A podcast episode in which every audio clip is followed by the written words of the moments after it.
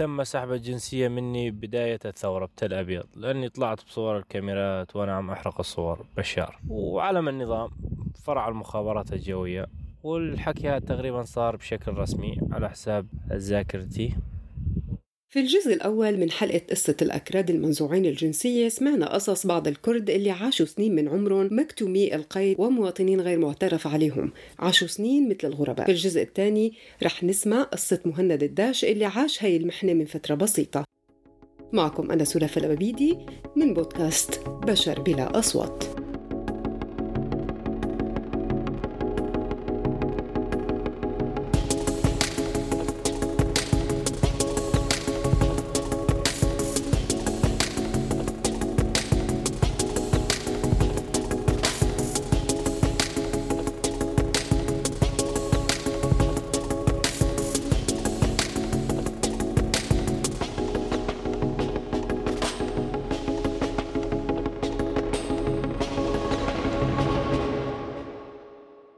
الدهش هو حالة مختلفة عن الحالات اللي سمعناها. أغلب المواطنين الأكراد انتزعت جنسيتهم بعد الإحصاء الستيني أو خلقوا لوالدين مسحوبين الجنسية. لكن في حالة مهند تم سحب جنسيته عام 2012 حسب ما ذكر مهند بعد خروجه مع مجموعة من الأهالي باحتجاجات تل أبيض ب 2011 تم تصويره هو عم يحرق. صور رئيس النظام السوري بشار الأسد من بعدها تم اعتقاله لفرع المخابرات الجوية. ومن بعد خروجه تم اختاره عبر الدوائر الرسمية بنزع جنسيته السورية هو ومجموعة من عائلته كنوع من تطبيق سياسة العقوبات الجماعية. اسمي مهند الدهش من قرية البديع التابعة لتل أبيض. عمري 28 سنة. تم سحب الجنسية مني بداية الثورة بتل أبيض لأني طلعت بصور الكاميرات وأنا عم أحرق الصور. بشار. وعلم النظام فرع المخابرات الجوية. والحكي هذا تقريبا صار بشكل رسمي على حساب ذاكرتي بداية عام 2013 2012 وبعدها ما ظل مركز ولا مؤسسات بالبلد فاتوا الثوار علينا بال 2013 سيطرة داعش بقينا بالبلد متخبين أكثر الأوقات وبال 2015 سيطرت الأكراد عنا.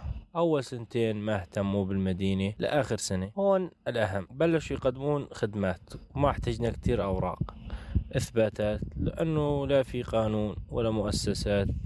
نحن هون كنا أصحاب ملك وعنا أراضي ما نبيع شيء لا أبوي باع ولا حدا باع. أنا الأرض مثل العرض. وتعليما ما في من البداية الثورة. أنا أنا مبطل دراسة وتجوزت وهون عندي الشيخ العشيرة بيعرفونه وزكوني. إذا اعتمد مهند على النظام العشائري اللي بيوفر نوع من الحماية والاعتراف بالفرد التابع للعشيرة لتسيير أموره الحياتية. وهي طبعا من الآثار السلبية اللي خلفتها مسألة انعدام الجنسية بتبعية الفرد للشيخ أو العشيرة والرجوع للمفهوم القبلي بدل الانتماء لوطن ودولة وحكومة تعترف بمواطنيها. لهيك كان رأيه مختلف عن باقي اللي سمعنا شهاداتهم بمفهوم إعادة جنسيته أو حتى استردادها نحن هون بجوز ما بتعرفنا كنا قرايب بعضنا. تل أبيض وضيعها كلها قرايب. ما نختلف أو نحس بأي نقص. أول شغلة إذا تغير القانون أو النظام ما عاد بدي لا جنسية ولا شيء. ممكن القانون يلي بده يجي ويصير بالبلد يظلم. عشان هيك نحن عشائر ونبقى ما بدنا أي ثبوتات بس بدي أشوف يلي سحب الجنسية مني.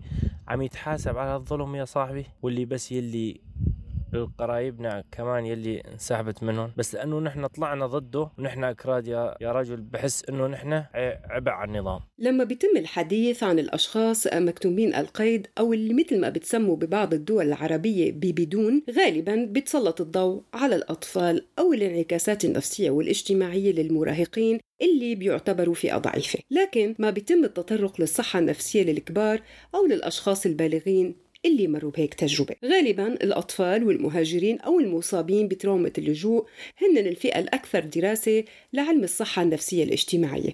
بهذا الشأن كان واضح أنه الأشخاص البالغين اللي تم تجريدهم من جنسيتهم وكبروا وهن مرافقين هاي الصدمة كانوا عم يكابروا وكان الوجع النفسي عم يكبر معهم. ومو هيك بس بل كانوا على الأغلب كمان عم يورثوا الألم النفسي لأولادهم.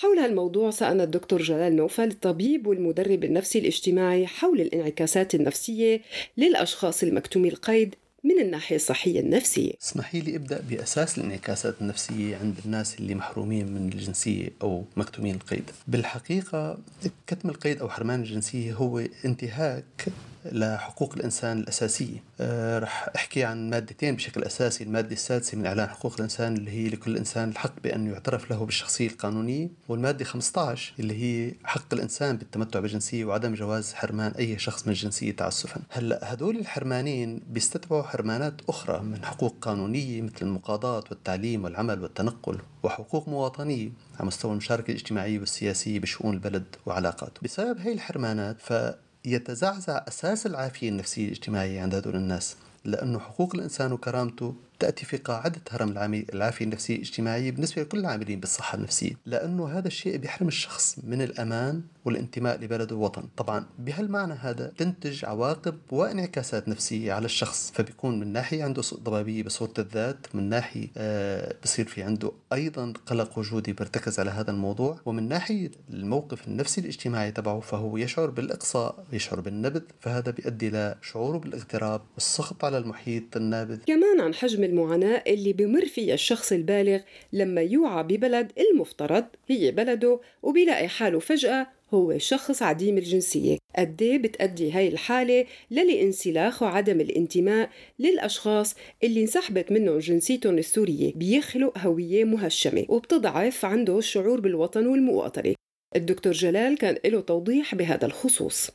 مشكلة آه، كتم القيد أو الحرمان الجنسية حقيقة أعمق من مشكلة التهميش واللا انتماء فالمهمش بشكل طبيعي في أساس آه، آه، لنضاله من أجل إيقاف التهميش كونه هو أصلا معترف بهويته كمواطن.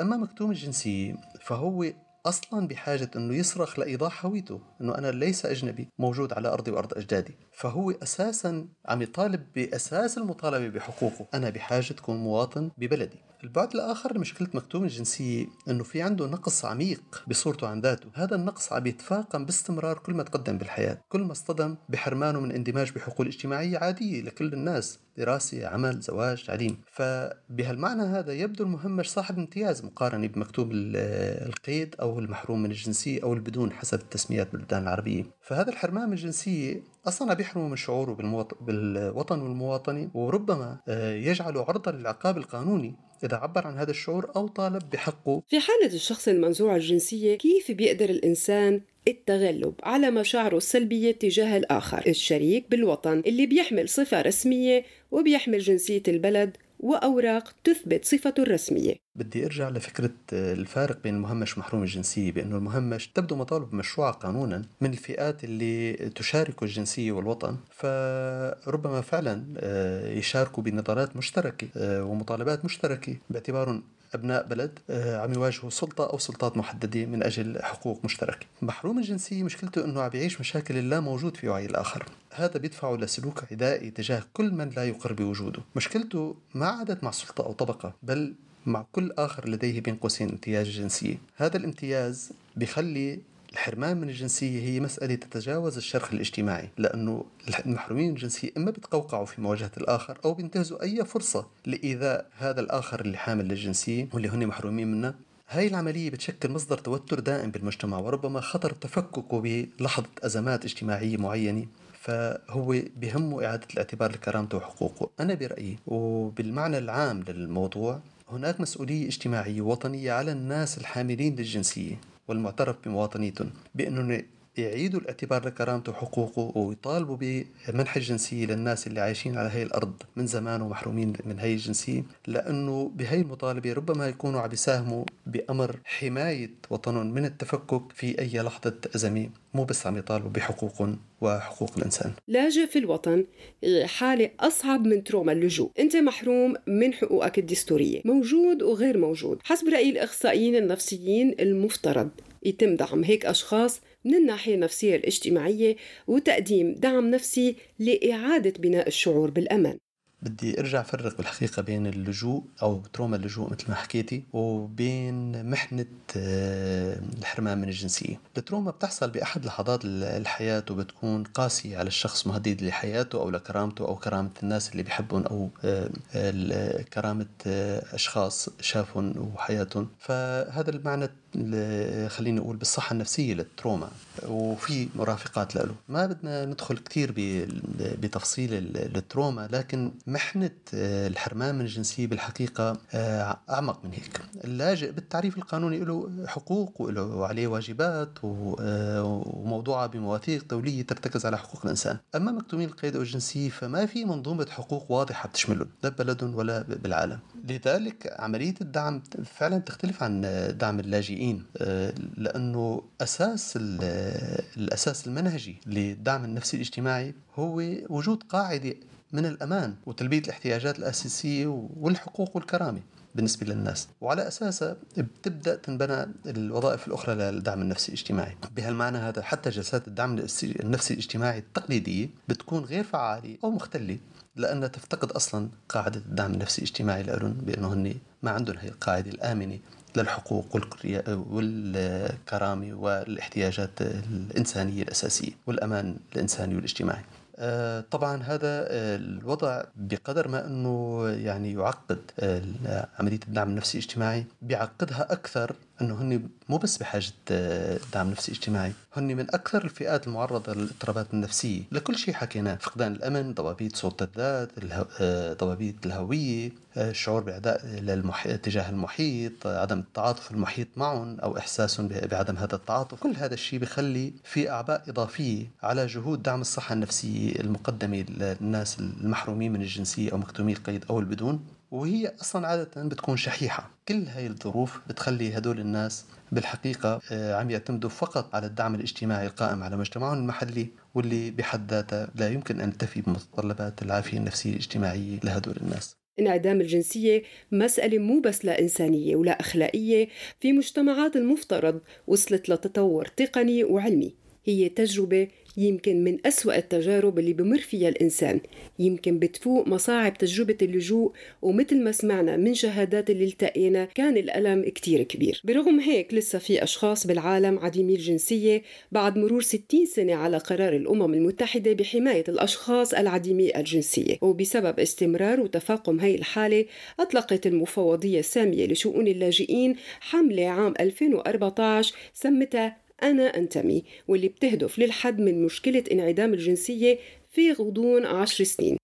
وذكرت المفوضية أنه هاي المشكلة ناشئة عن فراغ قانوني خطير وأكدت كمان أنه كل عشر دقايق يبصر نور طفل من عديمي الجنسية وبالتالي بيخلق شخص ما بيتمتع بأي حقوق وخدمات البلد اللي ولد فيه. ومثل ما قال المفوض السامي للأمم المتحدة لشؤون اللاجئين أنطونيو غوتيريس يشعر انعدام الجنسية الأفراد الذين يعانون منه بأن مجرد وجودهم في هذه الحياة يعتبر جريمة. في الحلقة القادمة من بودكاست بشر بلا أصوات كونوا معنا بحلقة خاصة عن قصصهم. قصص بعض النساء اللي عانت وعم تعاني من عدم قدرتهم منح أولادهم الجنسية السورية. معكم رح أكون أنا سلافة لببيدي من بودكاست بشر بلا أصوات من المبادرة السورية للقضاء على انعدام الجنسية.